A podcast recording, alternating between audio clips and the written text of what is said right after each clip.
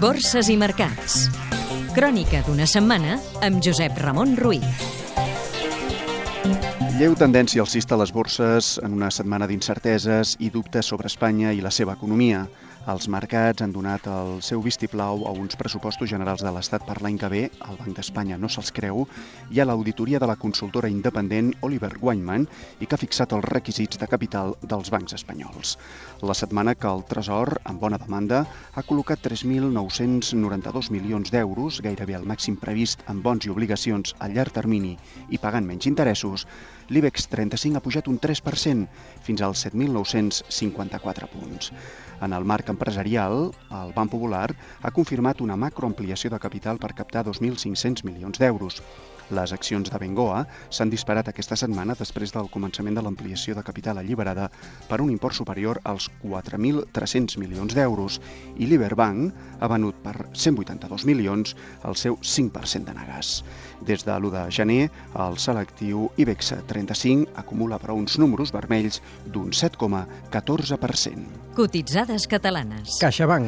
L'entitat amplia el seu capital un 1,95% amb l'objectiu d'abonar un dividend en accions. Fluidra. Ha distribuït un dividend net de 0,0563 euros per acció corresponent a l'exercici de 2011. Service Point Solutions. Ha tancat un acord de refinançament amb la banca creditora allarga el venciment del deute, valorat en uns 95 milions d'euros, fins al desembre de 2015, amb la possibilitat d'un any més. Indo Internacional. El grup òptic ha aconseguit in extremis la confiança de la banca tret del popular per poder aixecar el concurs de creditors. L'euro. La moneda única s'ha enfortit lleument davant de la divisa nord-americana després que el president del Banc Central Europeu, Mario Draghi, ha tornat a dir que l'euro és irreversible i que està a punt per intervenir i recolzar Espanya.